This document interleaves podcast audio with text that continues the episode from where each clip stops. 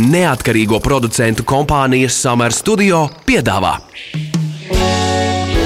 Ķepa uz sirds par viņiem, mūsu pašiem labākajiem draugiem. Raidījumu atbalsta Borisa un Ināras Teterevu fonds.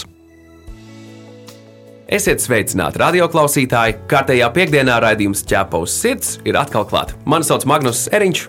Labdien, labdien! Mani sauc Inese Kreitsberga. Kārtējā piekdiena atkal klāt, un šodien runāsim par veselību. Tieši tā, jo man ir jautājums, vai esat dzirdējuši, ka rudens ir tas laiks, kad uh, cilvēkiem aktivizējas dažādas veselības līkstas, ir tādi mīti dzirdēti, ka imunitāte pavainājas un vājās vietas dod par sevi zināt. Jā, tas ir dzirdēts, un es, piemēram, esmu dzirdējis, ka imunitāte un veselība pasliktināties var pirms cilvēkiem dzimšanas dienas. Tā kā nezinu, vai organisms kaut kādā veidā atceras dzimšanas brīdi, tur varbūt ezotēriķiem būtu ko teikt. Bet, um, nu, ja tas tā ir cilvēkiem, interesanti, vai tas ir arī dzīvniekiem.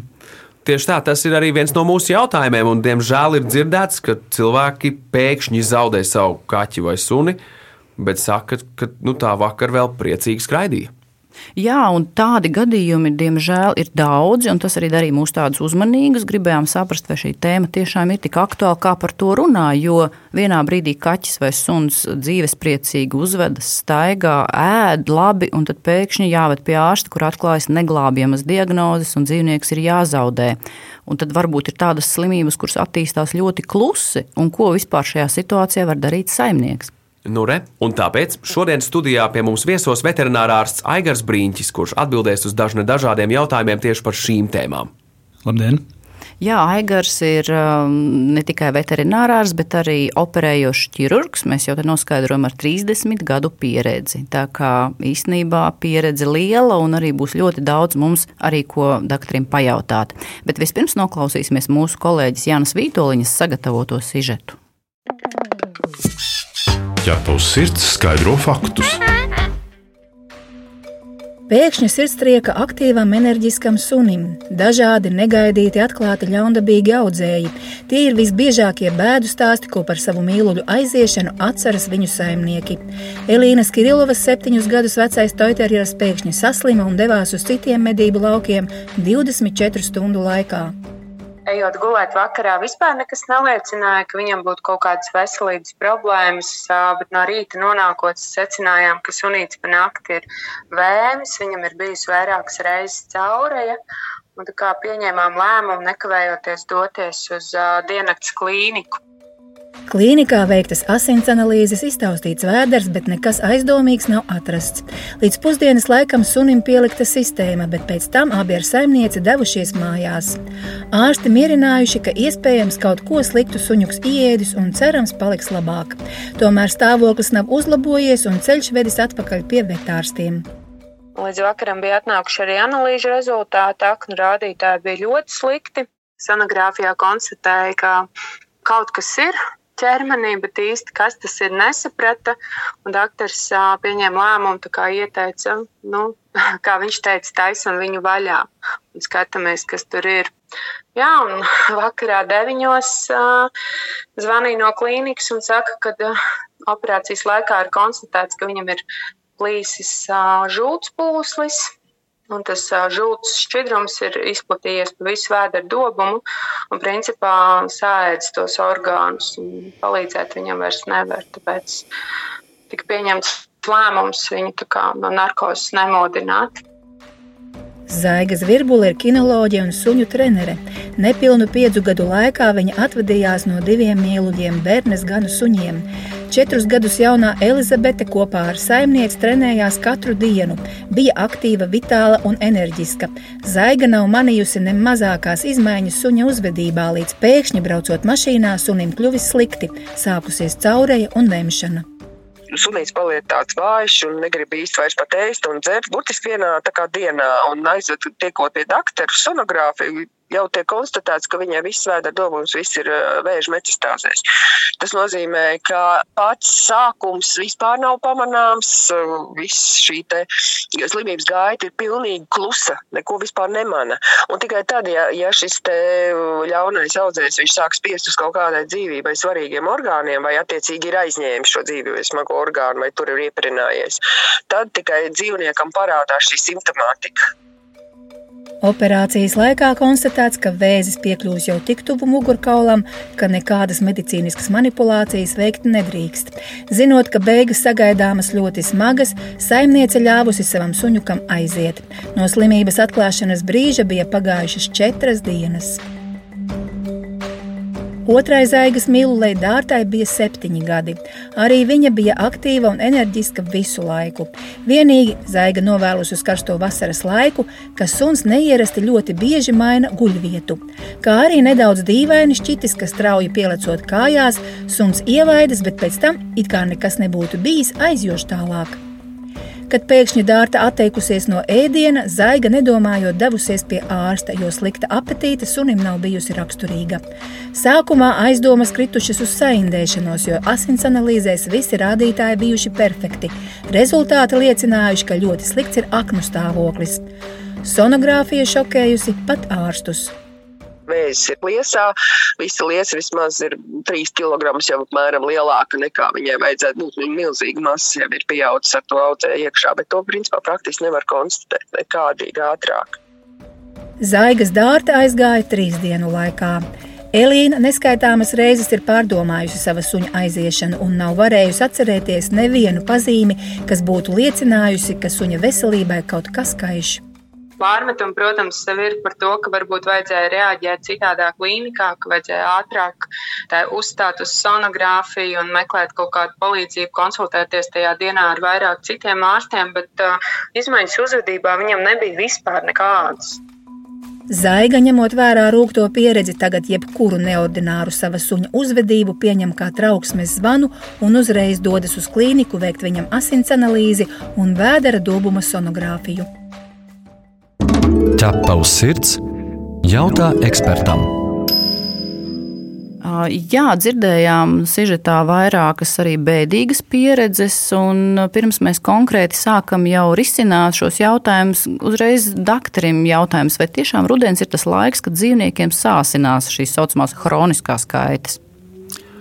Nu, ja mēs skatāmies vispār, tad jā, rudenī, protams, kad uh, imunitāte var būt vājāka jebkuram organismam, arī cilvēku organismam, bet viss ir atkarīgs lielākoties no uh, dzīvnieku trenētības, veselības stāvokļa, uh, vecuma un tā tālāk.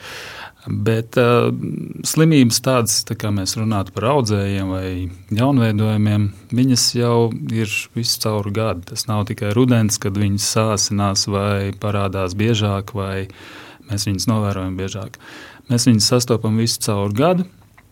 Jā, un, protams, cilvēks, kad izdzird vārdu audzējs, jā, viņš uzreiz ir šokā un domā, nu viss beigas ir klāta.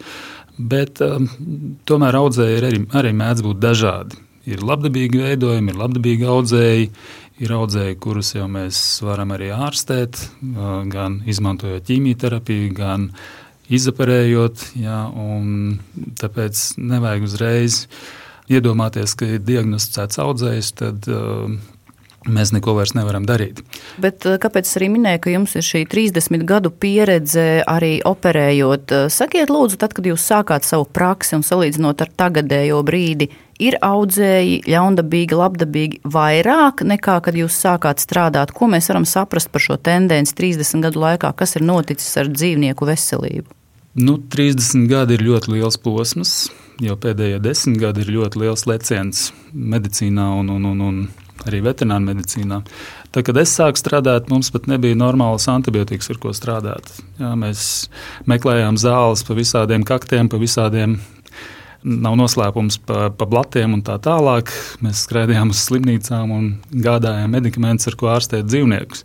Tagad mums ir dažādi pieejamie medikamenti no visas pasaules. Mēs varam iegādāties, ja viņi, protams, ir pieejami un reģistrēti Latvijā, tad mēs, tā nav problēma viņus dabūt. Un, protams, pats svarīgākais ir attīstījusies arī zinātnē, ir attīstījušās izmeklēšanas metodes, ir parādījušās mm, jaunas metodes, kā magnētiskās rezonances izmeklējumi, kā sonogrāfija, ultrasonogrāfija. Un, protams, ar tām metodēm mēs varam daudz ātrāk un daudz efektīvāk noteikt gan audzējus, gan to, kur viņi lokalizējās, gan viņu lielumu un tā tālāk. Tāpēc nu, agrāk bieži bija tā, ja tev ir aizdoms, ka ir kaut kāds audzējs vēdā, tu viņu neredzi, tev atliek vienīgais viņu atvērt. Kā grāmatu un skatīties, vai tu vari viņu izoperēt vai nevari.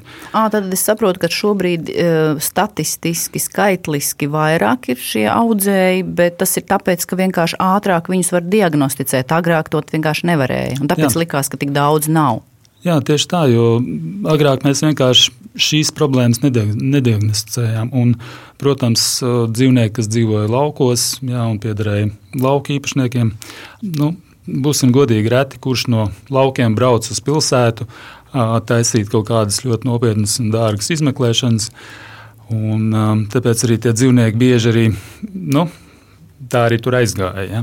Tagad arī cilvēki gan no laukiem, arī palikuši varbūt turīgāki, ir lieli zemnieki, ir lieli saimnieki, kas atļaujās uh, braukt arī uz pilsētu un taisīt dārgas izmeklējumus, un ir gatavi ārstēt, ir gatavi mēģināt, ir gatavi darīt visu to labāko savu dzīvnieku labā. Kāpēc tieši šie liesas audzēji ir nosaukti kā klusās nāves? Kas ir iemesls šim, kāpēc dzīvniekiem tāda rodas? Te otrais mūsu klausītājs, kas dalījies ar pieredzi, tieši min šo liesas vēzi, to pēkšņo, kad viņi atklājuši to, to simptomu. Nu, lies, lies ir mums orgāns, kas uh, ir kā asins depo, jā, un attiecīgi tas ir asinsrades orgāns. Un tur, protams, arī visas tās šūnas, nu, mēs jau vispār nezinām, patiesi arī cilvēku medicīnā pašlaik arī vēl nezina, kāpēc tieši šīs šūnas pēkšņi sāk mutēt, sāk transformēties un attīstās no šīm šūnām audzēji. Ja to kāds mums varētu pateikt, tad mēs droši vien būtu laimīgāki un priecīgāki un jau ātrāk varētu sākt ārstēt dažādas slimības, dažādas problēmas. Bet, principā, liesā, nu jā, nu, liesa, tas ir tāds orgāns, kas vairāk tā kā cilvēki un dzīvnieki var dzīvot bez liesas. Viņi ir kā depo orgāns. Tāpēc arī bieži tā sanāk, kad mēs izņemam liesu ārā. Ja tur ir bijis liels audzējs, mēs tādā pašā veidā, ja mēs ātri reaģējam un nav sākusies kaut kāda. Nu, jau nav, nav sākušas veidoties metastāzes, vai pāriet metastāzes uz citām, citiem orgāniem, kā plaušām vai vēl kaut kur. Tad uh, mēs varam dzīvnieku pat izārstēt. Viņš var diezgan laimīgi un priecīgi dzīvot uh, vēl atlikušo savu dzīvi. Jā, bet, nu, tā ir tā problēma, ka uh, ne jau visus dzīvniekus mēs katru gadu skrīningojam un pārbaudām uh, ar ultrasonogrāfiju. Ne katru gadu mēs pārbaudām viņiem asinsāinu un tā tālāk. Tāpēc, protams, ja ir cilvēks, kas ir ļoti atbildīgs un ļoti vēlās sekot savu dzīvnieku veselībai, ideālais variants ir reizes gadā, vismaz reizes gadā, kad viņi iet uz vakcināciju. Viņi arī var aiziet pie savu veterinārā ārsta. Uh, kurš izmeklē viņu, viņu dzīvnieku, kas apskatās, vai nav kaut kādas klīniskās pazīmes, vai nav pēkšņi palielinājies vēders, vai nav palikušas zeltainas gļotādes, vai kaut kas tamlīdzīgs.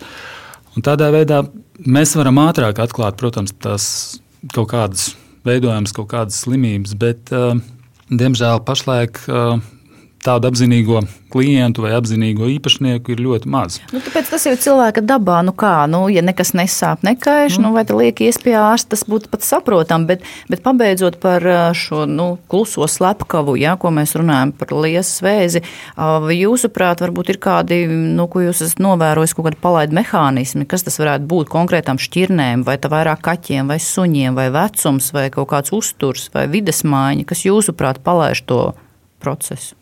Nē, ir, protams, pētījumi, ir zinātnieki pētījuši, kāpēc tas tā notiek. Nu, biežāk mēs esam to redzējuši tieši lielo šķirņu suņiem. Jā, vācu aitas šķirņu suņi ir viena no tiem, kas tiek skarti visbiežāk. Varbūt. Bet uh, palaidē process tur jau kamēr tas audzējs auga organismā, kamēr viņš nav liels un netraucē pārējiem orgāniem, tu pilnīgi neko neredzi. Dzīvnieks ir pilnīgi normāls, viņš var skriet, daudzīties, priecāties. Un, um, tas palaidē mehānisms var būt tas, ka tā, tas audzējs plīst. Viņš vienkārši plīst, un dzīvnieks strauji zaudē ļoti daudz asiņas iekšēji. Ja, un, protams, ja viņš ir liels tas audzējs, tad viņš arī var nosiņot. Ja tas audzējs ir neliels vai tur ir neliela asiņošana, tad tas dzīvnieks arī var izdzīvot. Bet eh, nu, liesas audzējs nav vienīgais, kas ir ļaunums sakne, kā saka. Ja? Ir jau ļoti daudz te audzēju. Viņi var būt gan plaušās, gan, gan eh, aknās, gan nierēs, un tikpat labi arī galvas smadzenēs un tā tālāk. Tāpēc mums jau jāatcerās arī par pašiem vienkāršākajiem audzējiem, kas ir uz ādas. Jo ļoti bieži mēs, eh, zinu, ka arī mūsu doktori grēko drusku, kad mēs redzam, ka ir kaut kāds veidojums uz ādas dzīvniekam, ka mēs vienkārši pasakām, nu labi, tagad mēs vēl neoperēsim, tagad mēs viņu neņemsim, neko nedarīsim, pavērojiet. Bet, ja tas ir agresīvs audzējs, tad tā vērošana var būt ļoti negatīva. Tas dzīvnieks vienkārši tas audzējs var ļoti strauji izplatīties, un viņš var iet tālāk. Tāpēc mans ieteikums būtu, ja jūs redzat kaut vai nelielu veidojumu vai kaut kādu audzēju, kas ir uz ādas parādījies, tik un tā aiziet pie doktora un palūdziet, lai viņš paņem vai nu citoloģiju. Tas ir pats elementārākais, kad iedurt, paņemt aspirātu no, tā, no tām šūnām, pārbaudīt, vai tās šūnas ir agresīvas vai tās šūnas nav agresīvas. Jā. Tikpat labi tur var būt lipoma, kas ir taukauda veidojums, kas ir ļoti maigs audzējs un viņš ne, nerada uh, problēmas ar metastāzēm, viņš nerada problēmas citām orgānu grupām. Tāpēc vienkārši esiet daudz uzmanīgāk pret saviem dzīvniekiem, un, ja vetārsts arī varbūt negrib to darīt, tad varbūt pameklējiet kādu citu, kas tiešām to pārbauda. Jo ir daži audzēji, kas ir uz ādas un audzēji, kas ir diezgan agresīvi. Viņi var uh, izskatīties ļoti nevainīgi un ļoti tādi nelieli, nelieli pumpiņi uz ādas, ja, bet viņš var uh, izraisīt tālākā dzīvē un tālākā dzīves posmā daudz problēmu. Tāpēc, nu, protams, ir arī labdabīgi veidojumi uz ādas, tādi kā papilomiņas ja, vai kārpiņas, ja, kas dažreiz varbūt izskatās briesmīgi, jo viņas asiņo, bet uh, tās nav tās bīstamākās. Aigar, atgādiniet, lūdzu, mīļiem uh, dzīvnieku saimniekiem, tiem cilvēkiem, kuriem ir kaķi un suņi mājās, un varbūt citi mājas dzīvnieki, cik bieži, uh, cik ilgā laika periodā viņiem būtu jāpadomā par savu mājas dzīvnieku veselību, un cik bieži vajadzētu doties pie speciālistu šādu veidu pārbaudēm? Vidēji. Nu, atbildīgs saimnieks parādās pie veterinārā ārsta vismaz reizi gadā. Tas ir tas, kad viņam jānāk uz vakcinācijām. Un, protams, arī tad, kad viņš ir atnācis uz vakcināciju, tad arī veterinārās apskata to dzīvnieku vispārēji. Jā, tas nozīmē, izmeklē. ka, ja reizi gadā uh, tu aizēji un izdari šo darbību, tas pastāv liela iespējamība, ka šī gada laikā tā problēma, kas iespējams progresē, var tikt jau ieraudzīta un novērsta. Jā, ja, ja tiešām tas dzīvnieks tiek pamatīgi izmeklēts un konkrēti izmeklēts, jā, ja tas netiek tikai izdarīts tā formāli, kad dzīvnieks tikai tiek savakcinēts un nu, nekas netiek ne pajautāts, ne paprasīts, tad, tad, protams, mēs arī varam palaist garām kaut kādas nopietnākas lietas. Bet uh, svarīgi arī atcerēties to, ka vairāk varbūt jāpievērš uzmanība tieši audzējiem tādām izmaiņām senioriem. Ja, tas ir dzīvniekiem, kas ir vecāki jau par septiņiem gadiem. Un tad arī varbūt uh, būtu nepieciešamība reizes gadā uztaisīt arī asins analīzes un varbūt arī kaut kādas citas nopietnākas izmeklēšanas. Un uh, noteikti saimniekam arī jāvēro ir dzīvnieku izmaiņas. Vienkārši. Nu, mēs bieži norakstam to, ka dzīvnieks paliek maskustīgāks ar vecumu, viņš paliek gurdenāks, daudz guļ. Jā, bet um, nu, mums liekas, ka viņš tagad sācis aptaukoties, uzbaroties, palicis lielāks vēders. Bet um, tās var būt arī pazīmes, ka tur kaut kas sāk arī veidoties, augt un notiek arī izmaiņas tajā organismā. Vislabāk savu dzīvnieku pazīst saimnieks. Ja, un, ja dzīvnieks jau vairākas dienas ir saguris, nu, nomākts un atsakās no ēdiena, noteikti ir jābrauc pie vetārsta. Ja, ja tur ir kaut kādas jau klīniskās pazīmes, jau vēmšana caurēji vai asiņaini caurēji, noteikti jābrauc pie vetārsta. Ja. Ir problēmas, pie kurām ir jāgriežas pie veterinārā ārsta jau nekavējoties. Jā, kad ja jūs redzat, ka dzīvnieks nevar pačurāt, jā, un viņš tur iet kaķītis uz kastīti un mēģina tur tupties, un nekas nesanāk. Tā ir kritiska situācija. Jārīkojas ir zibenīgi. Varbūt Jā. mēs to varētu vienkārši pateikt skaidri un gaiši. Neteikt, ka nedēļu jau kaķis nečurā vai sunim kaut kādas problēmas. Ir vienkārši jāņem dzīvnieks un jāiet pie ārsta tajā pašā dienā. Tas ir vienkārši jāpasaka skaidri, pareizi, doktor. Jā, ļoti pareizi. Es jau vienmēr saimniekiem saku, nu, padomājiet paši, ja jūs nevarat pačurāt stundu, divas, kā jūs jūt, jūtaties. Un, ja jūs neesat čurājis divas diennaktis, tad nu, es negribētu būt jūsu vietā. Visur kopā - ķepus sirds. Ines, vai tu vari atgādināt par to gadījumu ar kaķi, kuram atklāja audzēju, viņu to kaķīti izoperēja, bet kaķītis aizgāja nedēļas laikā? Nu, jā, un te varbūt tās, nu, piemēram, mēs runājam par, par to, ka nedrīkst ielaist, teiksim, kaut daudzēju vai, piemēram, uz ādas redzami veidojumi, bet mums, piemēram, bija viens skatītājs, kurš bija atrakstījis tādu tā kā pārmetumu vēstuli, ka kaķim atklāja audzēju, operēja, bet kaķītis aizgāja nedēļas laikā. Un viņš saka tā, ka iespējams, ja nebūtu griezts, tad nodzīvotu ilgāk. Kādi jums ir argumenti tomēr varbūt par pret ķirurģiju šādos gadījumos, vai tad ir pozitīva pieredze ar citām ārstēšanas metodēm? Jo varbūt domā tā, ka, ja ir griezts, tā tad ir aiztikta tā vieta, un ļoti daudzi tam tic, ja, kad iespējams tas ir pātrinājis šo dzīvnieku aiziešanu? Um, droši vien tas dzīvnieks netika pilnvērtīgi izmeklēts pirms operācijas. Es domāju, ka tur visdrīzākais ir bijušas kaut kādas problēmas jau dziļākas, ja, vai tur ir bijusi kaut kāda nieru mazspēja, kas kaķiem ļoti bieži ir, vai tur ir bijusi jau kaut kāda sirds problēma, kas ir paralēli attīstījusies. Ja, kad um, parasti no ādas audzējiem nemirst nedēļas laikā. Kaķiem ir liela problēma, un es to gribu arī ļoti pieminēt, lai cilvēki atcerās, ir tā saucamās injekciju vietas sarkomas. Tas ir audzējs, kas attīstās injekcijas vietā. Un tā, Oho, injekcija, un tā injekcija var būt gan vakcinācija, gan medikamenti dažādi, gan prolongētās zāles un tā tālāk. Un noteikti, ja jūs manat uz skausta Jā, tajās vietās, kur parasti ir dzīvnieks vakcinē, mēs tagad cenšamies vakcinēt vairāk jau kājās un citās vietās nekā skaustā, jo banāli skan, bet tur ir vieglāk nooperēt. Bet uh, princips ir tāds, ka, uh, ja, vedz, ja redzam injekcijas vietā, kad sāk veidoties kaut kāds veidojums vai sāk veidoties kaut kāds bumbulīts, Negaidiet, kamēr izaug otra galva uz muguras, un tad nāciet operēties. Jo tas injekciju vietas sarkomas, viņas ir ļoti agresīvi veidojumi. Un normāli, lai nogrieztu tādu audzēju, mums ir nepieciešams vismaz ņemt apkārt audzējumu apmēram 2 cm veselos audus apkārt. Jā, un ja uz muguras ir kulaka lieluma audzējs, tad saprotat, ka mēs nevaram nogriezt puskaķi. Jā, sakiet, cik bieži notiek šāda problēma dzīvniekiem? Pa tiem audzējiem Jā, uz muguras. Pēc, tieši. pēc vakcīnas. Principā viņas ar vien, ar vien retāk un retāk ir, jo tagad šīs vakcīnas parādās ar vien attīrītākas un labākas, jā, bet nu, kādus gadus, 5, 10 atpakaļ, šī problēma nebija nemaz tik reta. Negribu teikt, ka ne, nevajag tāpēc vakcinēt. Dzīvniekus noteikti ir jāvakcinē. Un... Tas noteikti bija domāts vispār par injekcijām. Arī jā, jā, kaut kāds tas... antibiotika kurs, piemēram, vai ne? Tas, jā, tas, tas var būt arī, kad tiek lietot prolongētie medikamenti, kaut kādi hormoni vai antibiotikas, kas ilgstoši darbojās vienā vietā, vai tas var būt no dažādiem medikamentiem, ne tikai no vakcīnām. Ķepaus sirds, suņu būda. Atgādinām, ka pie mums studijā šodien ir vetārsts Aigars Brīņķis. Un jūs šobrīd klausāties raidījumu ķepa uz sirds. Protams, to arī varat noklausīties populārākajās straumēšanas vietnēs podkāstu formā, kā arī Latvijas radio arhīvā. Mūrāģam ķepa uz sirds!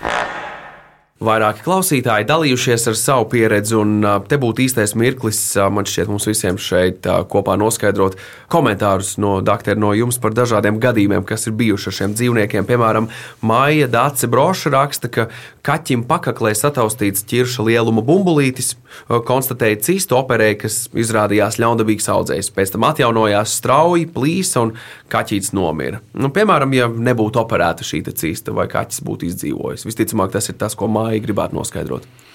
Kā jums šķiet?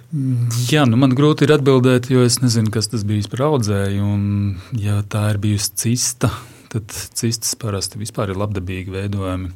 Bet, uh, Izrādījās ļaundabīgs audzējs. Jā, bet, Jā, bet operējot. kaķiem, kaķiem ļoti bieži ir vairogdziedzera audzēji, tā saucamie, kas, ir, kas var izraisīt arī pēc tam ne tikai izmaiņas ārējas, ja, bet viņi arī izm, ir izraisa problēmas ar nierēm, ar uh, pātrinātu sirdsdarbību un, un tā tālāk. Tāpēc tur, tur būtu ļoti svarīgi zināt, kas tas bijis par audzēju.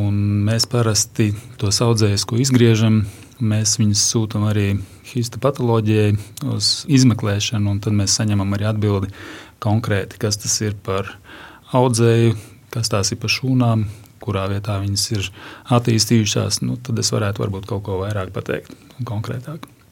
Ilona Grundmane stāsta par labradoru, kuram bijusi Adisona slimība. Nedēļas laikā suns gandrīz izdzisis, bet pateicoties ātrai diagnostikai, suns izglābts, atkopjas. Kas tā par slimību, kā tā var izpausties, Adisona slimība? Adisona slimība ir saistīta ar virsnierēm. Tas ir tāds krīzes attiecīgi process, kad uh, virsnieris nestrādā pietiekoši efektīvi un uh, veidojās nātrija kālija vielmaiņas traucējumi organismā.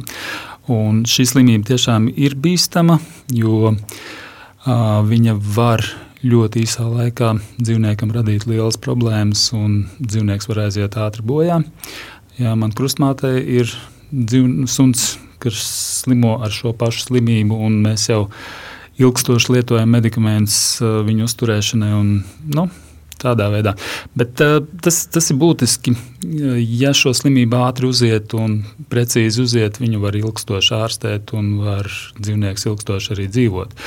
Jā, tāpēc tur ir svarīgi saprast, jā, kas tā ir par slimību un viņu arī atklāt laicīgi.